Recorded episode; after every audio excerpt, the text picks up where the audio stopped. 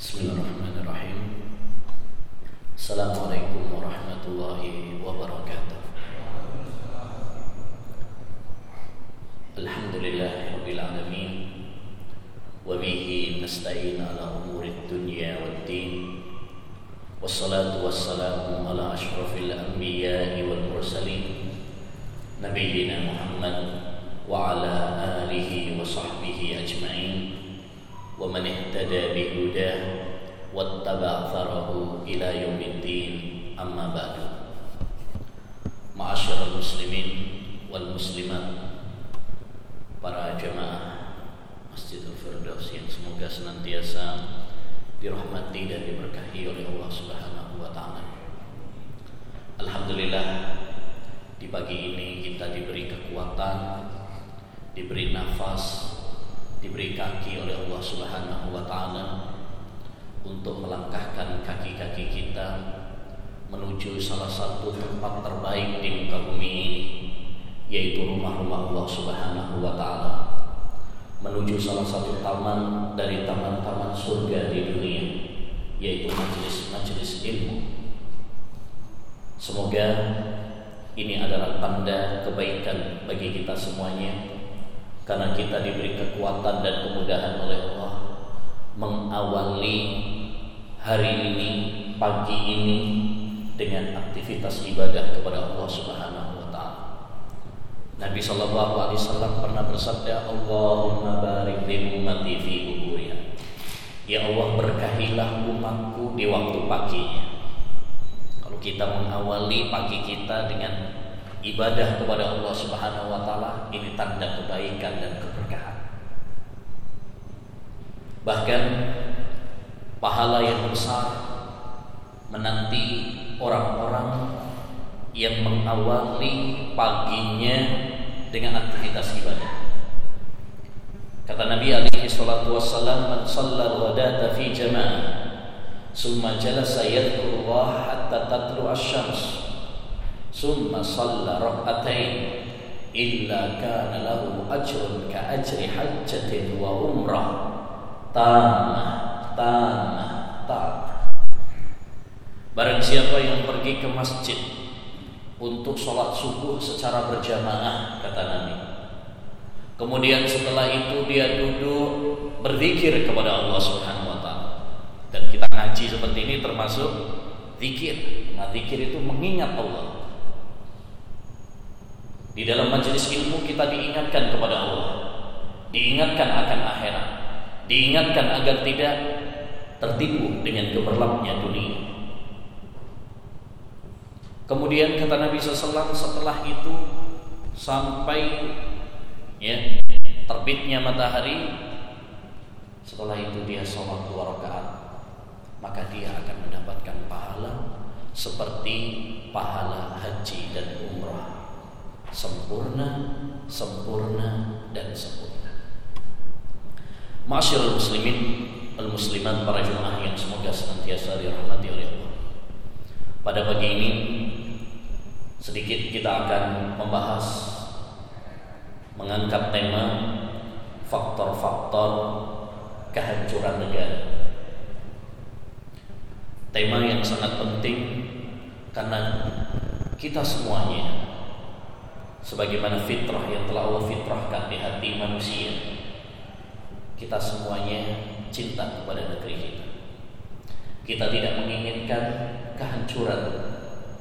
Kita tidak menginginkan bencana dan malapetaka. Allah Subhanahu wa taala timpakan pada kita, pada negeri kita. Oleh karenanya kita harus mendeteksi, mewaspadai segala hal-hal yang dapat menghancurkan negeri kita. Dari mana kita mengetahuinya? Tentu kita bisa mengetahuinya dengan membaca sumber Al-Quran dan Sunnah Nabi Sallallahu Alaihi Wasallam karena dia adalah petunjuk bagi kita. Alif Lam Mim, Dzalikal Kitabu la Raiba. Inilah Al-Quran yang tidak ada ya keraguan di dalamnya sebagai petunjuk bagi umat manusia. Di dalam Al-Quran begitu banyak kisah-kisah, sejarah-sejarah yang menjadi pelajaran ibrah bagi orang-orang yang menggunakan. Allah berfirman alam tara kaifa fa'ala rabbuka bi'a iramadatil iman allati lam yuhlaq misluha fil bilad wa samud alladziina jaabu as-sahra bil wad wa fir'auna dzil awtar alladziina taghaw fil bilad. Tahukah kamu bagaimana Allah Subhanahu wa taala menimpakan kepada kaum Nabi, kepada kaum Samud, kepada kaum Iram yang memiliki ya benteng-benteng yang kuat, tiang-tiang yang kuat, yang tidak pernah ada tercipta sebelumnya. Demikian juga kaum Samud yang bisa menjadikan gunung-gunung sebagai villa-villa yang mewah. Demikian juga Fir'aun yang Allah hancurkan karena ya kecongkakannya di muka bumi. Ini semuanya Allah Subhanahu wa taala ceritakan sering di dalam Al-Qur'an bukan hanya untuk dongeng, bukan hanya untuk cerita, tetapi agar kita mengambil pelajaran darinya. Kitabun anzalnahu ilaika mubarak liyadabbaru ayatihi wa liyatadhakkaru Inilah Al-Quran yang kami turunkan kepadamu wahai Muhammad agar mereka merenunginya dan agar orang-orang yang berakal, orang-orang yang cerdas mengambil pelajaran dari Kenapa? Karena sunnatullah itu satu. Apa yang Allah Subhanahu wa taala berikan kepada umat-umat dahulu tidak jauh berbeda. Allah akan perlakukan sama kepada umat-umat sebelumnya, kepada umat-umat setelahnya. Alam nuhlikil awwalin, summa nutbi'uhumul akhirin. Kadzalika naf'alu bil mujrimin. Bukankah kami telah menghancurkan umat-umat sebelum kalian dan kami akan ikuti kepada umat-umat sesudah mereka. Begitulah kami akan memperlakukan orang-orang yang melakukan dosa. Sudah merupakan sunnatullah al-jazaa'u min jinsil amal. Balasan itu tergantung kepada amal perbuatan. Siapa yang beriman kepada Allah, siapa yang beribadah kepada Allah, taat sama Allah Subhanahu wa taala, mengikuti aturan-aturan rambu-rambu syariat Allah Subhanahu wa taala, beriman dan bertakwa kepada Allah, Allah janji akan turunkan keberkahan dalam hidupnya dari langit dan dari bumi. Allah berfirman, "Walau anna ahlal qura amanu wattaqau lafatahna alaihim barakatin minas samai wal Surat Al-A'raf ayat 9. Andaikan suatu negeri itu penduduknya beriman dan bertakwa, kami akan turunkan kepada mereka, kami akan buka kepada mereka keberkahan dari langit dan dari bumi. Apa artinya keberkahan? Keberkahan artinya kebanyakan kebaikan yang banyak yang melimpah yang terus menerus. Jadi kalau kita beriman dan bertakwa, Allah janji Allah akan berkahi hidup kita. Allah akan berikan kebahagiaan kepada kita. Sebaliknya, kalau kita membangkang sama Allah Subhanahu wa taala, nggak nurut sama aturan Allah Subhanahu wa taala, kita dustakan para putusan Allah Subhanahu wa taala, tidak melaksanakan petuah-petuah yang Allah tuangkan di dalam Al-Qur'annya maka Allah akan cabut nikmat dari, dari kita. Yang tadinya aman yang tadinya hidup damai akan dicabut oleh Allah Subhanahu karena dosa sebagaimana kata Imam Ibnu Qayyim Al-Jauziyah dosa itu bagaikan al maasina al hatab maksiat-maksiat dosa-dosa itu bagaikan api. Ya yang akan memakan kenikmatan Allah Subhanahu wa taala menghilangkan nikmat Allah Subhanahu wa taala satu persatu. Sebagaimana api memakan kayu. Ma'asyiral muslimin rahimani wa rahimah. Allah berfirman, ya, "Wa ma asabakum min musibatin fabima kasabat aydikum wa ya'fu an katsir." Surat Asy-Syura ayat 3. Tidaklah menimpa kepada kalian suatu musibah kecuali karena dosa-dosa kalian. Maka segala bencana, segala petaka yang kita alami, yang kita rasakan sekarang ini atau sebelum-sebelumnya itu adalah karena dosa-dosa yang dilakukan oleh hamba.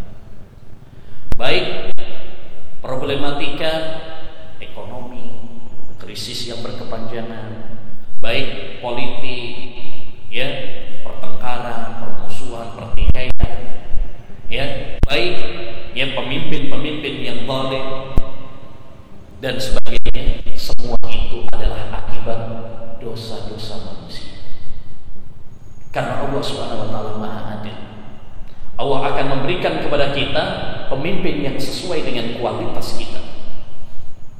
Kama takunu yuwalla alaikum Kata para ulama, bagaimana kondisi kalian, bagaimana kualitas kalian sebagai rakyat, itulah kualitas pemimpin kalian. Karena al jazau min jinsil amal, balasan itu tergantung kepada eh, perbuatan kita. Makanya Allah Subhanahu wa taala mengatakan wa kadzalika nuwalli ba'dadh dhalimina ba'dha bima kanu yaksibun. Demikianlah kami menjadikan pemimpin-pemimpin yang zalim karena dosa-dosa rakyat itu sendiri. Oleh karenanya ma'asyiral muslimin rahimani wa rahimakumullah. Kita ya harus berusaha merubah diri kita, memperbaiki kualitas keimanan kita, ketakwaan kita, ibadah kita. Kalau kita ingin ya Allah Subhanahu wa taala sayang sama kita. Kalau kita ingin Allah Subhanahu wa taala menjaga negeri kita dari bencana, dari kehancuran. Inna Allah la yughayyiru ma biqaumin hatta yughayyiru ma bi Allah tidak akan mem, e, merubah nasib suatu kaum sampai mereka merubah nasib mereka sendiri. Artinya kita harus berupaya, kita harus ikhtiar, kita harus berusaha ya yang tadinya banyak melakukan kesyirikan, kekufuran, kebid'ahan, kemaksiatan, mari kita tinggalkan menuju Allah Subhanahu wa taala, berlari menuju Allah Subhanahu wa taala, menuju tauhid, menuju sunnah Nabi sallallahu alaihi wasallam. Fafirru ila Allah. Berlarilah kalian menuju Allah Subhanahu wa taala. Tinggalkan maksiat, tinggalkan ya kebid'ahan, tinggalkan kesyirikan. Karena itu adalah biang dari kehancuran dan malapetaka. Ya, bahkan Nabi Shallallahu Alaihi Wasallam pernah menyebutkan orang kalau kena musibah, walaupun ya e, musibah-musibah kecil itu adalah akibat karena dosa. Kata Nabi la yusibu rajulan khada syuhudin wala afratu qadamin wala ihtilaju irkin illa bidhanbin wa ma yafu Allahu akthar tidaklah menimpa seseorang ya uh, kayu yang melukai dirinya telapak kaki yang tergelincir atau urat yang terkilir kecuali karena dosa-dosa yang dilakukan olehnya itu pun Allah sudah banyak mengampuni dosa-dosa hamba. Ma'asyiral muslimin rahimani wa rahimakumullah. Kita akan sampaikan faktor-faktor kehancuran negara sebagaimana yang disebutkan di dalam Al-Qur'an dan di dalam sunnah Nabi SAW tujuannya agar kita waspada. Kita mengenal sebab-sebab kehancuran bukan untuk kita lakukan tetapi untuk kewaspadaan. Untuk kita tinggalkan araftu syarra la lisyarri lakin litawakki kata para kata seorang penyair saya mengenal kejelekan bukan untuk kulakukan tetapi untuk kuaspada. Karena orang kalau nggak ngerti tentang kejelekan bisa jadi dia akan melakukannya tanpa terasa bisa jadi dia terjerumus di dalamnya tanpa sadar bahwa itu adalah kejelekan. Apa saja faktor-faktor yang bikin hancur suatu negara sebagaimana disebutkan di dalam Al-Quran dan Sunnah. Pertama adalah perbuatan syirik perbuatan kufur dan tidak mengikuti ya para nabi para rasul. Bangkang kepada para nabi dan rasul. Dan ini sering disebutkan oleh Allah Subhanahu wa taala tentang umat-umat sebelum kita. Kaum A, kaum Thamud, kaum Lut, ashabu Madian, Fir'aun. Apa yang menjadikan Allah Subhanahu wa taala menghancurkan mereka? Karena kekufuran yang mereka lakukan. Karena kesyirikan yang mereka lakukan. Ya, karena kemaksiatan kepada yang mereka lakukan. Allah telah utus kepada mereka para utusan untuk memberi peringatan, tetapi mereka tidak mengindahkan. Akhirnya Allah Subhanahu wa taala melululantahkan mereka. Allah Subhanahu wa taala berfirman misalkan tentang kaum Nabi Nuh alaihi salam ya dalam surat Nuh ayat 25 Allah berfirman mimma khati'atihim uhriku faudhilu nara karena dosa-dosa yang mereka lakukan yaitu yang dilakukan oleh kaumnya Nabi Nuh. Uriku.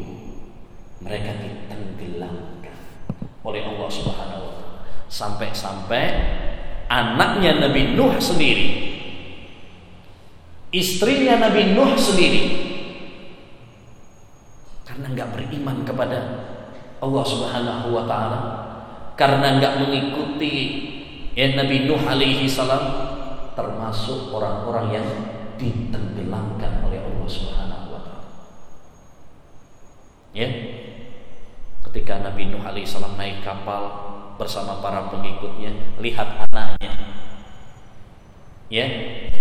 Karena kasihan, maka Nabi Nuh pun mendakwainya, mengajaknya, "Ya bunayyar kam ma'ana wala takum ma'al Wahai putraku, wahai anakku, naiklah bersama kami. Jangan bersama orang-orang kafir. Berimanlah. Tapi anaknya tetap ngeyel.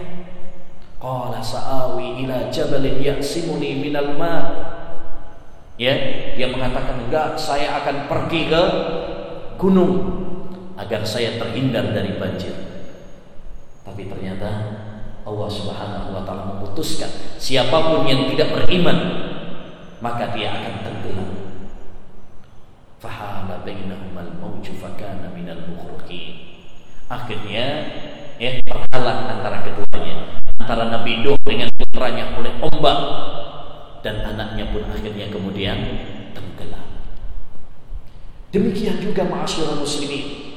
Allah kisahkan tentang kaum Ad, Allah kisahkan tentang kaum Samud, Allah kisahkan tentang ya kaumnya Nabi Lut ya para pelaku sodom homosek ya. Liwat yang Allah SWT balik ya. Tanah bagi mereka. Demikian juga Allah Subhanahu wa taala hancurkan ya penduduk Madian dan kaum-kaum yang lain. Semua ini adalah pelajaran bagi kita semuanya. Agar kita tidak termasuk orang-orang yang berbuat syirik, tidak termasuk orang-orang yang berbuat kekufuran dan tidak termasuk orang-orang yang bangkang sama para utusan yang diutus kepada kita. Karena itu adalah biang dari segala kehancuran. Ya. Kesyirikan, ma'asyiral muslimin dan kekufuran adalah dosa paling besar. Keboliman yang paling besar di muka bumi ini. Kata Luqman kepada anaknya pada surat Luqman ayat 13, "Ya bunayya la tusyrik billah, inna syirka la dzulmun Wahai putraku, janganlah berbuat syirik karena syirik itu adalah kezaliman yang paling besar. Syirik juga adalah dosa yang tidak akan diampuni oleh Allah taala kalau pelakunya tidak bertobat. Inna Allah la yaghfiru an yushraka bihi wa yaghfiru ma duna dzalika liman yasha. Allah tidak akan mengampuni dosa syirik, tapi Allah mengampuni dosa-dosa selain syirik. Masih ada harapan kalau dosa selain syirik walaupun nggak bertobat, itu masih ada harapan Allah mengampuni. Tapi kalau dosa syirik dan pelakunya tidak bertobat, Allah nggak bakalan mengampuni. Saking besarnya dosa syirik. Dan dosa syirik juga akan menghapus amalan-amalan sebelumnya. Sholatnya, puasanya, zakatnya, hajinya. Ludes semuanya lain asrakta la yahbatanna amaluka. Kalau kamu berbuat syirik maka akan ya terhapus semua amal. Ya dan ini masih banyak. Pada zaman kita sekarang ini kesyirikan-kesyirikan ya, yang beredar di tengah masyarakat kita. Bukankah masih banyak orang yang minta-minta ya ke kuburan? Yang ini minta rezeki, yang ini minta ya jabatan, yang ini minta anak, yang ini minta jodoh. Mintanya kepada orang-orang yang sudah mati, yang tidak bisa mendatangkan manfaat atau menolak manfaat. Bukankah masih banyak orang-orang yang masih percaya kepada perdukunan, ilmu kebal, santet, pelet, ya, ilmu sihir? Bukankah masih banyak ya orang yang percaya dengan ramalan-ramalan? Bukankah masih banyak orang yang menyembelih untuk selain Allah Subhanahu wa taala, kirim tumbal sesajen, padahal itu adalah kesyirikan kepada Allah Subhanahu wa taala segala ibadah tidak boleh diserahkan kecuali hanya kepada Allah saja. Iya karena berdua, iya karena stain. Hanya kepada Engkau ya Allah kami beribadah dan hanya kepada Engkau kami minta pertolongan. Ya, maka ma'asyiral muslimin selama kekufuran, kesyirikan masih berkeliaran, masih banyak di tengah-tengah kita, maka ini adalah ya uh, bom waktu. Ini adalah peringatan bagi kita. Hati-hati dari musibah demi musibah, dari malapetaka yang akan mengintai negeri kita. Maka kalau kita ingin diselamatkan oleh Allah Subhanahu wa taala, ini tugas kita semuanya untuk membentengi diri kita, membentengi keluarga kita, membentengi masyarakat kita Mari kita bareng-bareng mengingatkan semuanya dari dosa syirik kepada Allah Subhanahu wa taala yang merupakan kezaliman paling besar, dosa yang paling besar, ya, yang merupakan sumber segala kerusakan di dunia dan di akhirat. Yang kedua, di antara faktor kehancuran ya negara adalah tatkala kita tidak mengikuti Rasulullah Sallallahu Alaihi Wasallam. Allah Subhanahu Wa Taala mengutus kepada kita Nabi Muhammad SAW. Tujuannya adalah agar kita sebagai umatnya ini beriman kepadanya, membenarkan ucapannya, mentaati perintah-perintahnya, menjauhi larangan-larangannya, menghormatinya, memuliakannya. Bukan hanya sekedar dengan kata-kata, saya mencintai Rasulullah, bukan. Tetapi yang lebih penting daripada itu, bagaimana kita betul-betul mengaplikasikan dalam kehidupan kita, merealisasikan dalam kehidupan kita, ya wujud cinta kepada Rasulullah SAW berupa ketaatan, ya apa pun yang Rasulullah perintahkan kita jalankan, apa pun yang Rasulullah larang kita tinggalkan. Manakala kita tidak mengikuti Rasulullah, manakala kita menyelisihi Rasulullah SAW, maka ini adalah faktor kehancuran negeri. Dalilnya Allah berfirman dalam surat An-Nur ayat 63 falyahdharil ladzina yukhalifuna an amri an tusibahum fitnatun aw yusibahum adabun alim kata Allah hendaknya takut orang-orang yang menyelisihi perintah Nabi Muhammad SAW takut apa? takut kalau akan menimpa kepada mereka fitnah Takut kalau Allah Subhanahu wa taala akan timpakan kepada mereka ada siksa yang sangat pedih. Ini jangan merasa aman kalau kita menyelisihi Nabi. Rasul Allah Subhanahu wa taala mewanti-wanti kita. Hendaknya mereka takut, hendaknya mereka waspada. Kalau seketika suatu saat Allah Subhanahu wa taala ya akan ya menghancurkan mereka Allah akan menurunkan bencana kepada mereka. Dan kita ini sebenarnya sudah sering diingatkan oleh Allah Subhanahu wa taala. Hanya saja hati kita lalai. Ya, belum lama ini ada bencana-bencana yang menimpa negeri kita. Ada gempa bumi ya di Lombok, tsunami di Palu, Sulawesi, ya. Ada lagi nyusul lagi di Banten di Lampung. Belum lagi banjir belum lagi kebakaran meletusnya gunung dan sebagainya dan sebagainya. Tapi kita ini lalai. Hati kita keras. Sehingga setiap kali Allah Subhanahu wa taala ya memberikan teguran kepada kita kita hanya mengatakan itu adalah faktor alam sering kali kita mengatakan itu hanya bencana alam Seringkali kita malah nyalahkan alam. Ada banjir yang kita salahkan air hujan. Ya, ada tsunami yang kita salahkan lautnya. Ada gunung meletus yang kita salahkan gunungnya karena udah tua. Gunung Uhud sejak zaman Nabi juga ada, Pak. Ya, udah tua. Ya.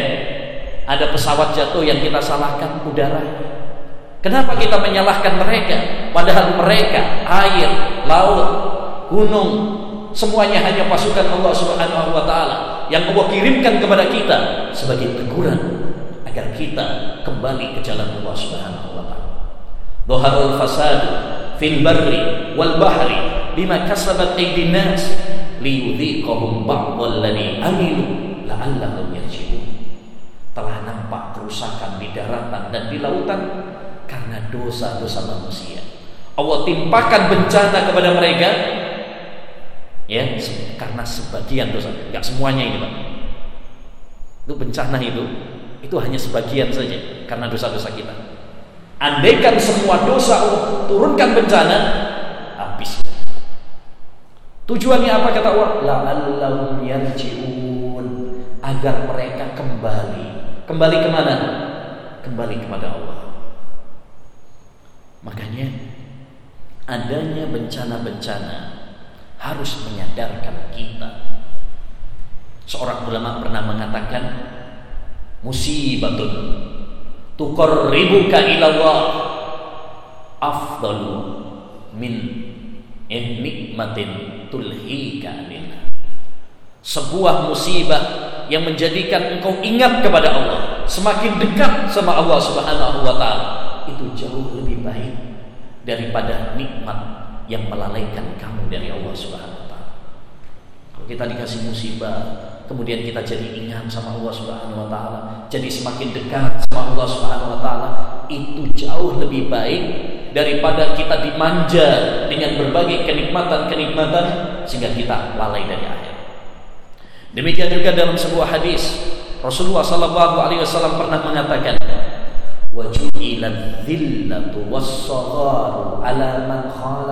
dhillatu dan dijadikan kehinaan ya bagi orang-orang yang menyelisihi perintah maka ma'asyiral muslimin rahimani wa rahimakumullah kalau kita cinta kepada negeri kita kalau kita ingin agar negeri kita dijaga oleh Allah Subhanahu wa taala caranya kita taat kepada Rasulullah Sallallahu Alaihi Wasallam.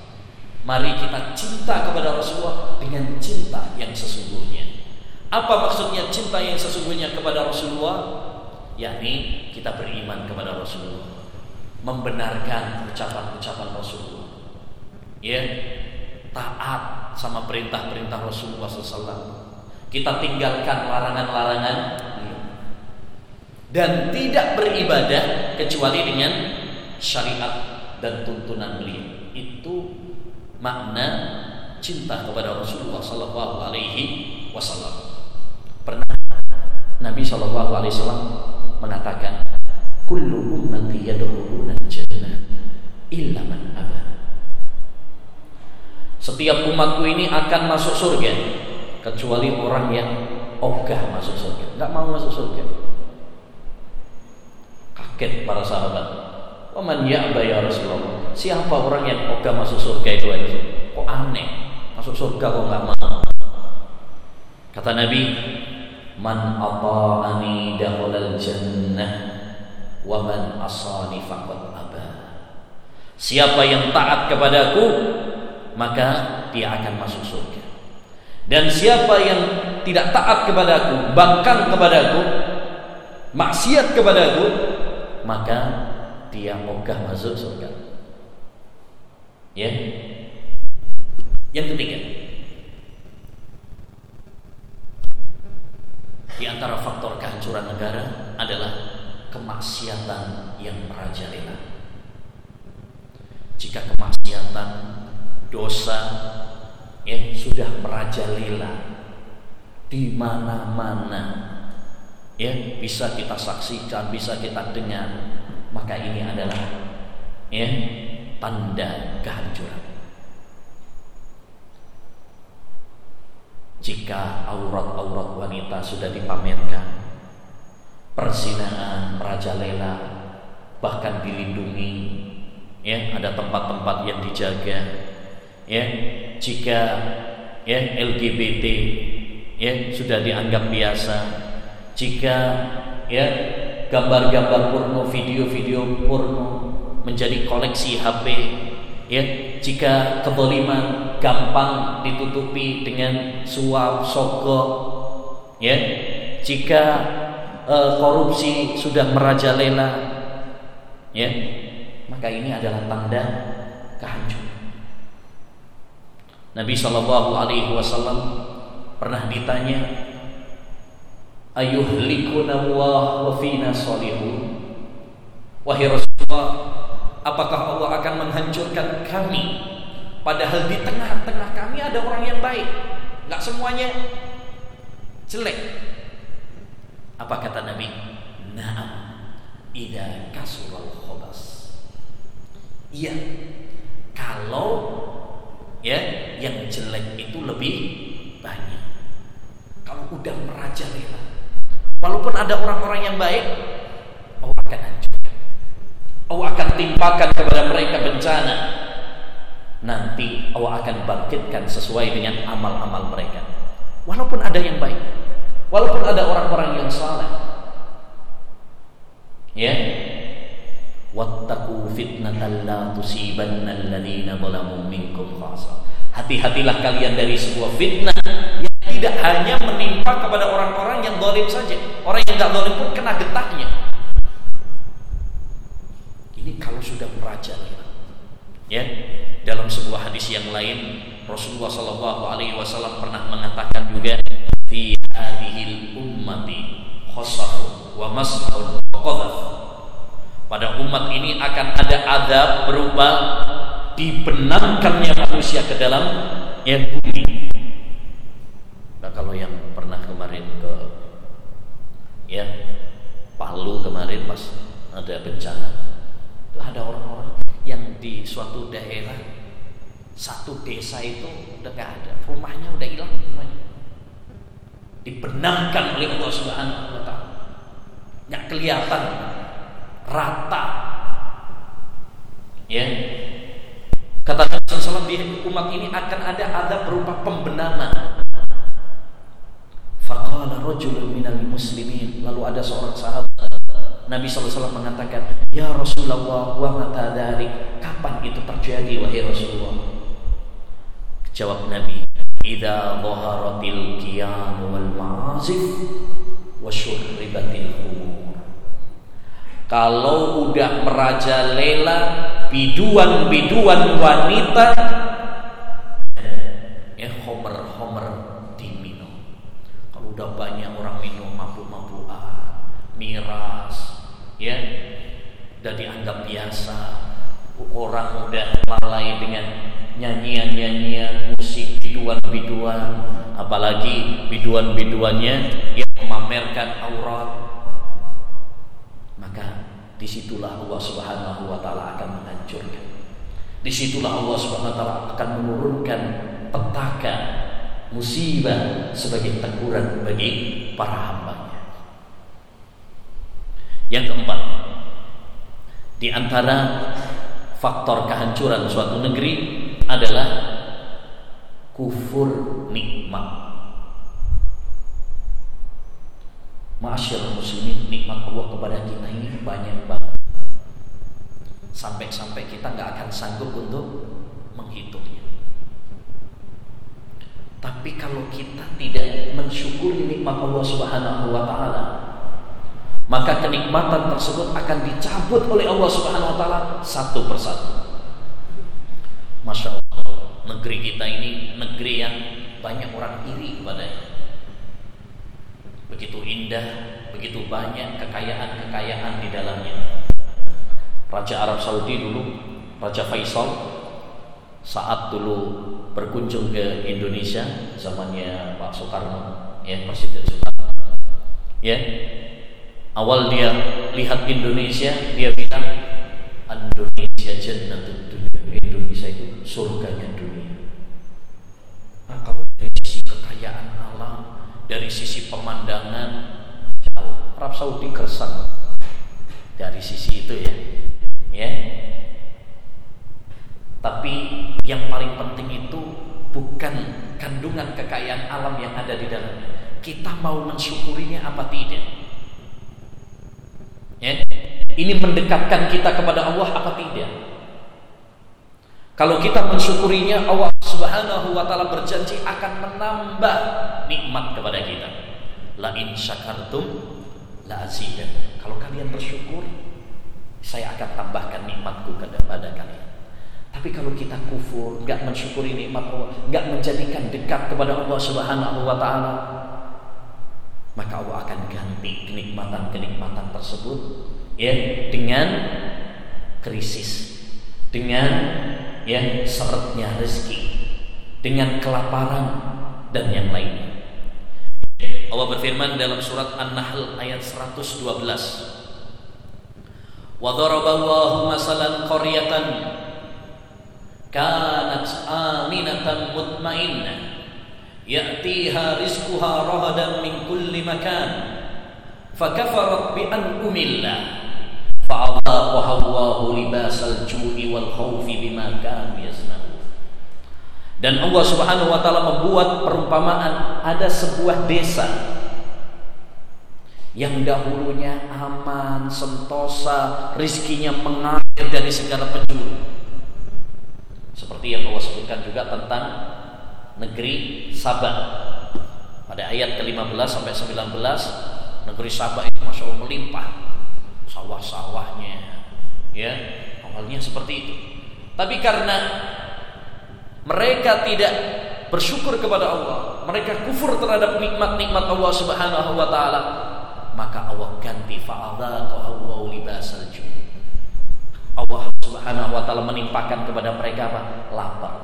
Indonesia kaya kekayaan, tapi ternyata rakyatnya juga masih banyak yang kelaparan, masih banyak yang kekurangan, susah cari pekerjaan. Ya. Wal khauf, rasa takut, panik. Ya, panik. Dengan banyaknya bencana-bencana uh, ini bikin kita panik. Dengan banyaknya hoax, ya berita-berita masuk bikin orang kemudian apa? panik.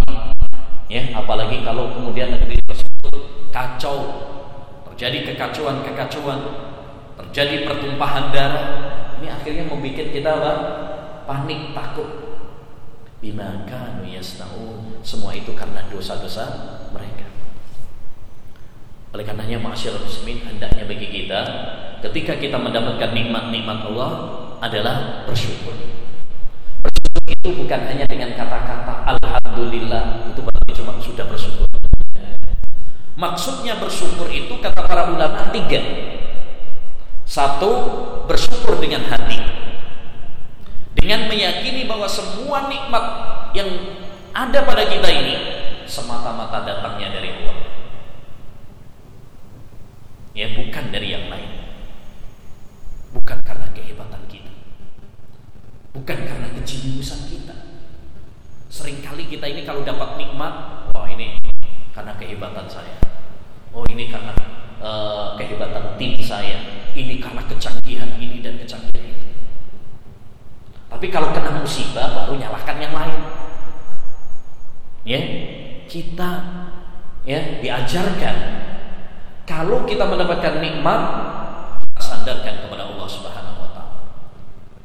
Kalau kita mendapatkan musibah, hendaknya kita introspeksi. Jangan-jangan itu adalah karena. Itu yang semestinya kita lakukan. Yang kedua, ma'asyiral muslimin, syukur dengan lisan kita, yaitu dengan mengucapkan alhamdulillah. Segala puji bagi Allah Subhanahu wa taala atas nikmat-nikmat yang begitu banyak. Yang ketiga ini yang paling penting.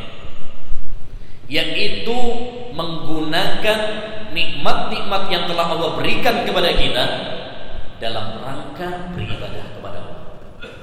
Dalam rangka takarrub mendekatkan diri kepada Allah.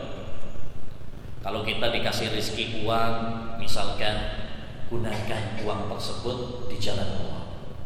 Ya, untuk sodako, wakaf masjid, untuk bantu orang, ya untuk menafkahi istri, anak.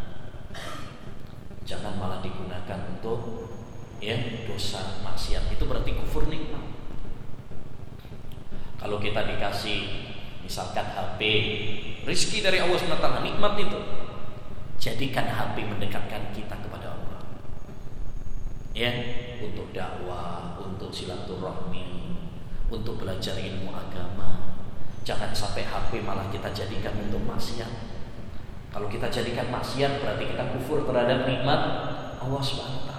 Pak sekarang HP ini ya ini banyak baiknya tapi juga banyak buruknya. Tergantung bagaimana kita menggunakan. Ya. Ibaratkan pisau bermata dua. Kalau digunakan kebaikan dapat pahala kita. Tapi kalau digunakan untuk dosa maksiat, ya ini namanya kufur nikmat. Ya, kita, masya Allah, dulu melarat, sekarang misalkan dikasih, ya, kamar, ranjang, empuk, kasurnya empuk, itu bisa nikmat, bisa juga ada. Kalau semakin kita bikin nyaman dalam beribadah kepada Allah, itu nikmat dari Allah tapi kalau karena saking punya kasurnya, akhirnya subuh kebablasan terus. Ya, hati-hati, jangan-jangan itu nanti adalah petaka. Seorang ulama pernah mengatakan, "Kullu nikmatin la tuqarribu ila Allah fahiya nikmah." Setiap nikmat yang tidak mendekatkan kamu kepada Allah itu adalah petaka.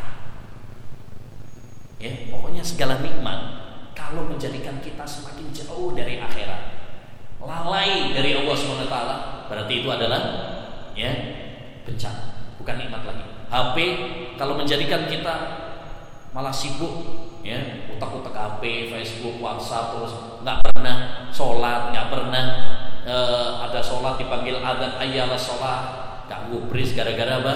Sibuk sama HP orang tua manggil istri manggil suami manggil sibuk dengan HP wah ini berarti bukan nikmat lagi ini bencana. Sedikit dola ya? Ya. Nah jadi ini penting yaitu uh, kita harus mensyukuri nikmat Allah Subhanahu wa taala. Yang kelima di antara faktor kehancuran negara adalah mengurangi timbangan ya menahan hak makhluk dan berpaling dari hukum Allah Subhanahu wa taala. Hal ini sebagaimana disebutkan oleh Nabi SAW dalam hadisnya yang sahih.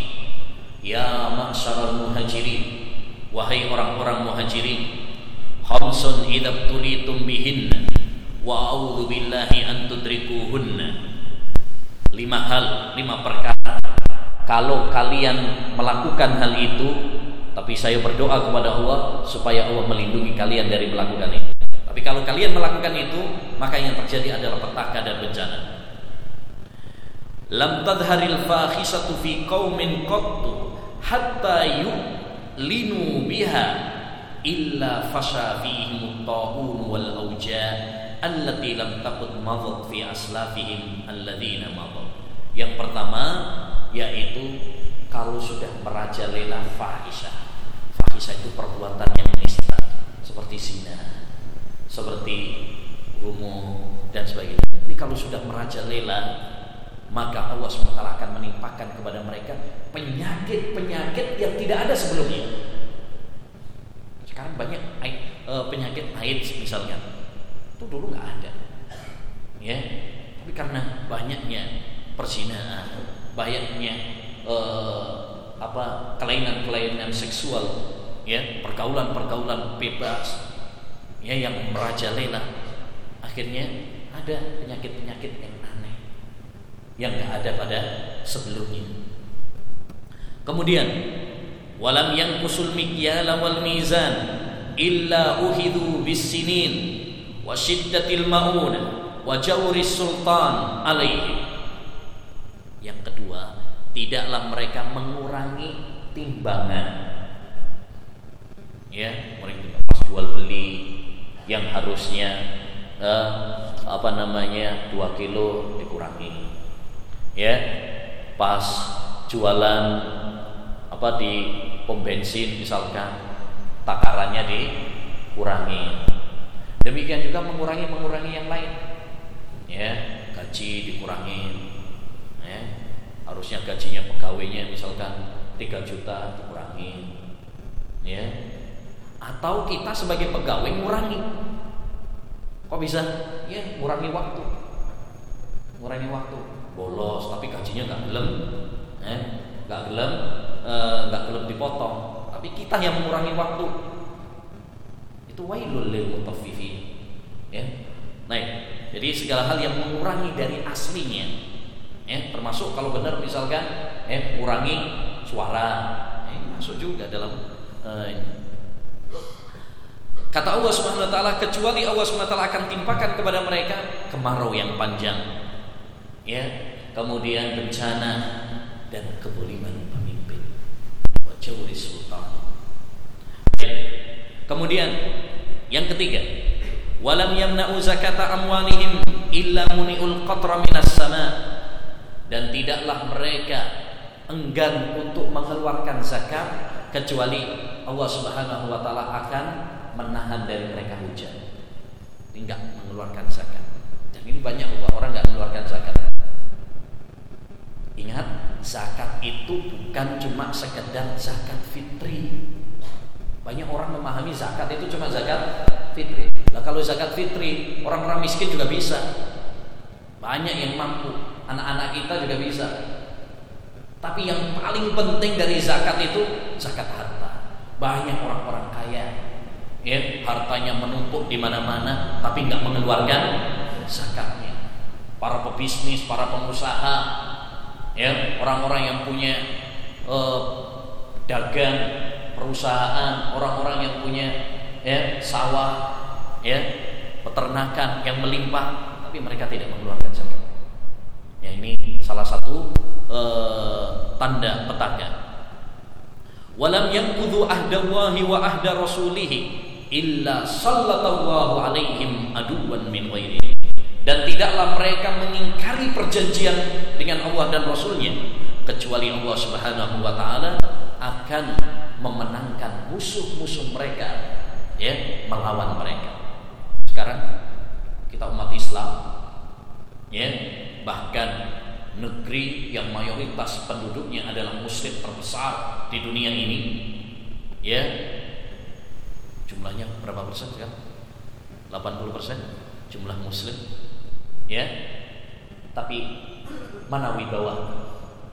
Mana wibawa kaum muslimin apakah orang-orang kafir takut sama kita Gak ada kewibawaan Ya, itu karena kita tidak dianggap di mata mereka. Lemahnya iman, lemahnya ketakwaan. Kemudian selanjutnya wa ma lam tahkum a'immatuhum bi kitabillah wa yatahayyaru mimma anzalallah illa ja'alallahu ba'sahum bainahum. Dan kalau para pemimpin tidak berhukum dengan Islam, dengan Quran, dengan hadis, maka yang terjadi adalah mereka akan bertengkar antara satu dengan yang lain. Ya, masyarakatnya akan bertengkar antara satu dengan yang lain. Kenapa? Karena tidak ditegakkan hukum Islam, hukum Al-Quran dan Sunnah Nabi Wasallam yang berisi keadilan. Pak, kalau kita mau cari keadilan, kita akan mendapatkannya, kita akan menemukannya di dalam syariat Islam, di dalam Quran, di dalam hadis. Tapi kalau kita mencarinya dalam hukum demokrasi, ya nggak dapat keadilan. Karena demokrasi sendiri tidak dibangun di atas keadilan. Mana keadilan dari demokrasi? Yang menyamakan antara muslim dengan kafir Padahal Allah SWT tidak menyamakan muslim dengan kafir Mana keadilan yang menyamakan antara ya wanita dengan ya laki-laki padahal di dalam Al-Qur'an Laki-laki itu beda dengan wanita. Mana keadilan yang menyamakan antara orang pintar dengan orang bodoh padahal di dalam Al-Qur'an dibedakan. Hal yastawil ladina ya'lamuna wal la. Apakah sama orang yang berilmu dengan orang yang tidak berilmu? Dan yang paling parah lagi, sing waras kalau gak waras disamakan. Ya, tentu di dalam Islam beda. Orang yang waras, ya sah sholatnya. Sehingga waras, ya, gak sah sholatnya, nggak ada niat. Ya, artinya kalau kita ini pengen keadilan, keadilan itu hanya ada di dalam syariat Islam. Kalau di dalam selain syariat Islam, jangan banyak berharap keadilan di dalam eh selain di dalam hukum Islam. Ini pelajaran penting bagi kita ya agar kembali kepada agama Allah Subhanahu wa taala. Kembali kepada Islam yang murni yang dibangun di atas Al-Qur'an dan sunnah Nabi sallallahu alaihi wasallam. Yang keenam, ya faktor kehancuran negara adalah berlomba-lomba mengejar dunia. Kalau manusia sudah kejar kejaran berlomba-lomba mengejar dunia, lalai dari akhirat, maka ini adalah ya faktor kehancuran negara. Itulah yang sangat dikhawatirkan oleh Nabi Shallallahu Alaihi Wasallam jauh-jauh hari. Beliau pernah mengatakan, "Fawallahi mal faqra ahsha alaikum, walakin ahsha alaikum an tubsata alaikum dunya kama busitat ala man kana qablakum fatanafasuha kama tanafasuha wa tuhlikukum kama ahlakatkum." Demi Allah kata Nabi, bukan kemiskinan yang saya khawatirkan kepada kalian. Jadi Nabi nggak khawatir dengan kemiskinan, kefakiran. Yang paling banyak dikhawatirkan adalah kemiskinan. Yang dikhawatirkan oleh Nabi itu apa? Dosa, kesyirikan. Ya, itu. Kalau miskin kata Nabi, demi Allah bukan kefakiran yang saya khawatirkan kepada kalian. Tetapi yang saya khawatirkan kepada kalian malahan kalau dunia sudah dibentangkan kepada kalian, lalu kalian rebutan mengejar dunia, ya, sehingga menghancurkan kalian sebagaimana telah menghancurkan umat-umat sebelum kalian. Sekarang banyak orang mati-matian ya untuk mendapatkan dunia. Dunia itu apa saja? Banyak. Tapi yang paling dasar tiga. Yang pertama harta. Orang kalau sudah rebutan harta, sikut-sikutan, segala hal akan ditempuh untuk mendapatkan harta. Ya, kayak orang sampai ada yang uh, pesugihan supaya cepat sugih. Ya, ke dukun, ada yang ke kuburan, ya, ada yang melakukan ritual ini, ritual itu demi harta, nyokok sana, nyokok sini. Ya, yang kedua, Makanya Nabi SAW mengatakan Inna likulli ummatin fitnah wa fitnatu ummatil ma. Setiap umat itu memiliki fitnah, fitnah terbesar umatku adalah Yang kedua, jabatan. Orang kalau sudah rebutan sama jabatan, Pak, segala cara akan dilakukan. Walaupun harus dengan melenyapkan nyawa. Walaupun harus ya dengan hal-hal yang melanggar agama. Makanya kalau dalam dunia politik ya lawan bisa jadi kawan, kawan bisa jadi lawan. Itu politik ya, politik banget. Karena apa? Orang kalau sudah tergila-gila dunia seperti itu.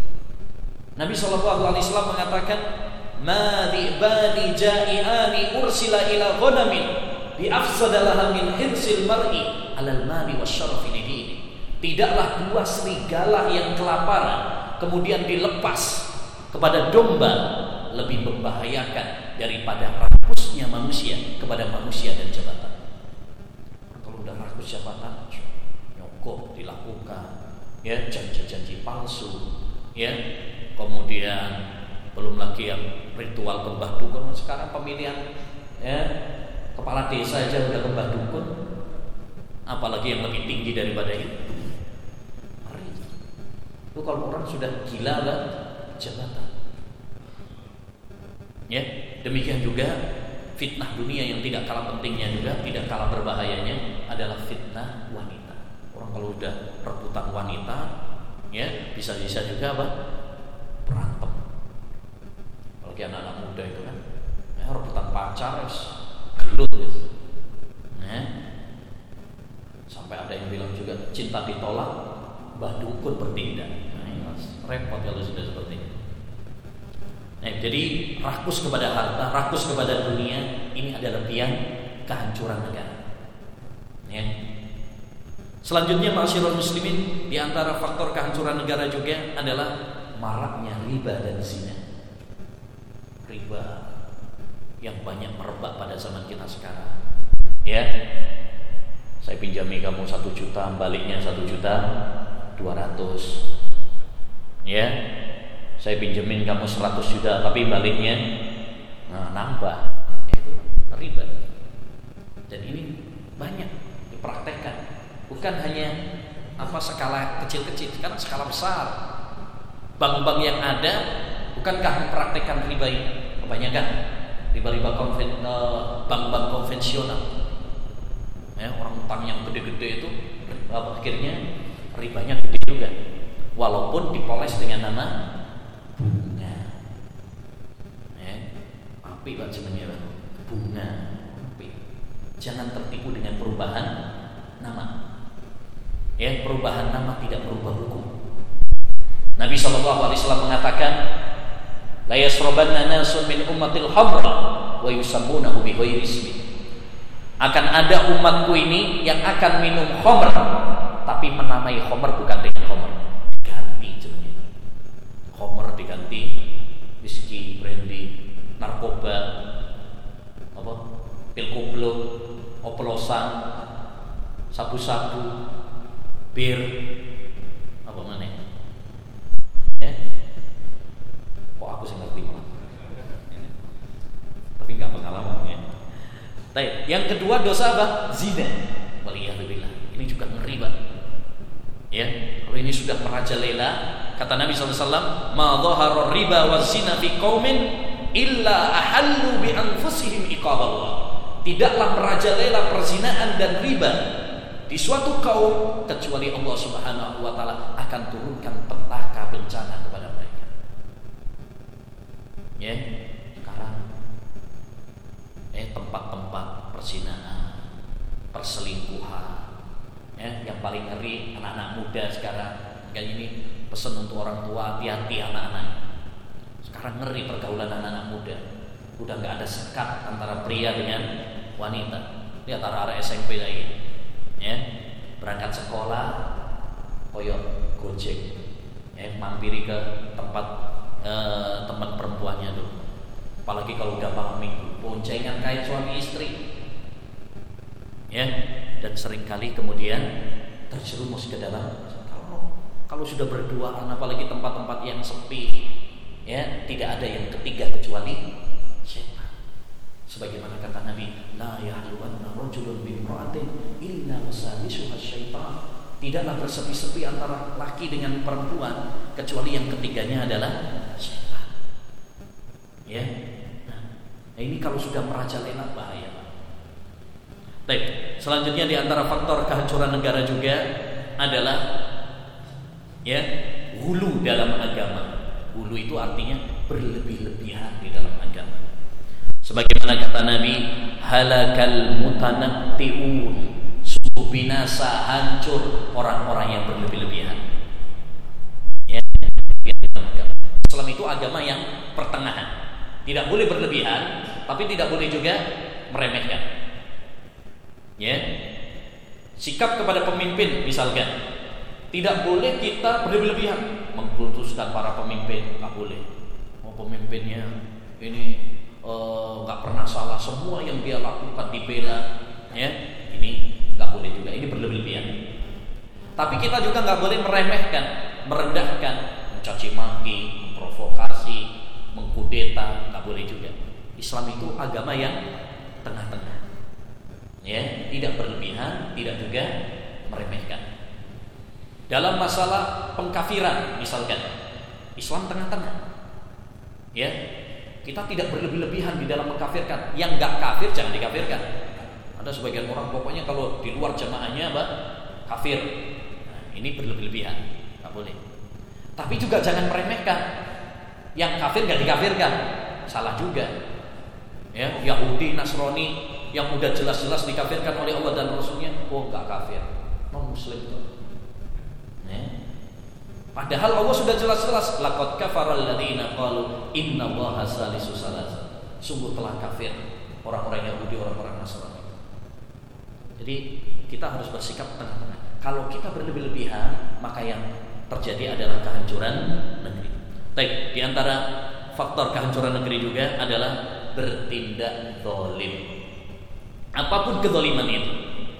Ya, Allah Subhanahu wa taala berfirman, wa tilkal qura ahlaknahum lamma zalam ya itulah desa-desa yang kami hancurkan kenapa karena mereka surat al-kahfi ayat 59 ya zalim ini Pak ada dua macam uh, ada tiga macam pertama zalim kepada Allah apa zalim kepada Allah kita berbuat syirik kepada Allah SWT kezaliman paling besar beribadah diberikan kepada selain Allah. Itu dolim. Dolim itu kan meletakkan sesuatu bukan pada tempatnya. Ibadah itu tempatnya kepada Allah. Kalau kita berikan kepada selain Allah, namanya dolim. Dolim kepada manusia, menghina orang, nempeling orang, maling hartanya orang. Nah, itu namanya dolim. Ya, kemudian dolim kepada diri kita sendiri yaitu melakukan dosa. Rabbana zalamna anfusana. Ya Allah, kami ini banyak berbuat dosa. Itu tatkala kita berbuat dosa, itu berarti zalim terhadap diri kita sendiri. Tatkala kezaliman-kezaliman ini terjadi, maka ini adalah ya sumber kerusakan. Orang misalkan korupsi, soko itu zalim. Ya, zalim. Orang ya, tidak memberikan gaji kepada bawahannya pegawainya itu zalim. Ya, kalau ini sudah tidak diindahkan, kezaliman sudah merajalela, maka yang terjadi adalah ya, kehancuran suatu negara. Yang terakhir, faktor kehancuran negara adalah tidak adil dalam penerapan hukum. Tidak adil dalam penerapan hukum. Sebagaimana kata Nabi Shallallahu Alaihi Wasallam, tatkala ada seorang wanita dari bangsa Quraisy yang mencuri, tapi keluarganya nggak terima. Akhirnya mereka ingin melobi supaya nggak di nggak dipotong tangannya. Dalam hukum Islam, orang yang mencuri, maling itu dipotong tangannya. Ya, dipotong tangannya. Dalam surat Al-Maidah Allah berfirman, "Was-sariqu was-sariqatu faqta'u aydiyahum." Pencuri laki-laki dan pencuri perempuan potonglah kedua tangan. Itu hukum Islam. Ya, Al-Qur'an yang ngomong. Dan tidak ada yang lebih adil daripada hukum Allah Subhanahu wa taala. Ya. Nah, setelah mereka ngelobi Rasulullah marah. Kata Nabi sallallahu alaihi wasallam, "Innama ahlakal ladzina min qablikum." Sesungguhnya yang bikin hancur binasa umat-umat sebelum kalian ya kayak begini. Kalau ada yang melakukan itu orang bangsawan, orang-orang yang berpangkat, orang-orang kaya, taroku dibiarkan, maksudnya nggak di dihukum. Tapi kalau yang maling itu adalah orang-orang yang lemah, orang-orang yang rakyat jelata, maka langsung diterapkan hukum kepada. Ya, podo-podo malingnya. Sing sitok maling ya. Cuma sandal jepit langsung lima tahun penjara. Ya. Yang satu maling miliaran bahkan triliunan. Ya. Tapi tadi apa apa di demo baru kemudian ada ya. Baru kemudian di dihukum. Itu pun setahun dua tahun. Fasilitasnya mewah lagi ya. Pilih kasih dalam penerapan hukum inilah yang bikin hancur suatu negara ya karena tidak ada keadilan kalau kita ingin negeri ini aman negeri ini dijaga oleh Allah Subhanahu wa taala, maka para pemimpin, orang-orang yang memiliki wewenang dalam penerapan hukum harus berbuat adil. Demikian juga kita harus adil. Ya, bukan hanya pemimpin saja, kita pun harus adil. Harus adil terhadap anak-anak kita. Ya, kalau kita misalkan jadi bos berarti kita harus adil terhadap bawahan kita. Harus adil kepada istri istri kita. Istri-istri ya. ya kalau yang punya lebih dari satu harus adil. Kalau nggak adil ya kan ada hadisnya. Maka lahum siapa yang memiliki dua istri famala ila ihdahuma kemudian dia condong kepada salah satunya artinya pilih kasih ya yang ya.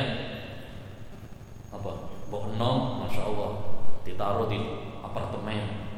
Buat tua kontrakan. Nah, ini namanya nggak adil. Ya nggak adil. Harus adil. Kalau tidak adil famala jaa yaumal qiyamah main. Besok pada hari kiamat maka apa? Miring demikian juga sama anak-anak harus adil jangan sampai oh anak ini cerdas anak ini ganteng. Akhirnya kita ya sama anaknya yang cerdas ganteng tersebut kita perhatian. Oh anaknya ini dua belum ya akhirnya kita nggak perhatian sama dia. Takut semua anak harus kita perlakukan secara apa? Sama. Ihdilu baina berbuat adilah di antara anak-anak kalian. Ya nah. Ma'asyiral muslimin rahimani wa rahimakumullah. Itu beberapa faktor kehancuran negara ya e, sebagaimana di dalam Al-Qur'an dan sunnah Nabi Shallallahu alaihi wasallam kita mengambil pelajaran dari semua itu dengan waspadaan, dengan hati-hati, dengan meninggalkan agar Allah Subhanahu wa taala menjaga diri kita, menjaga keluarga kita dan menjaga masyarakat dan negeri kita. Semoga Allah Subhanahu wa taala yang menjaga kita semuanya dari segala fitnah, dari segala bencana dan menjadikan kita semuanya termasuk hamba-hambanya yang beriman dan bertakwa. Amin ya rabbal alamin. Kita tutup dengan doa kafaratul majlis. Subhanallahumma bihamdika asyhadu an la ilaha illa anta astaghfiruka wa atubu ilaik. Assalamualaikum warahmatullahi wabarakatuh.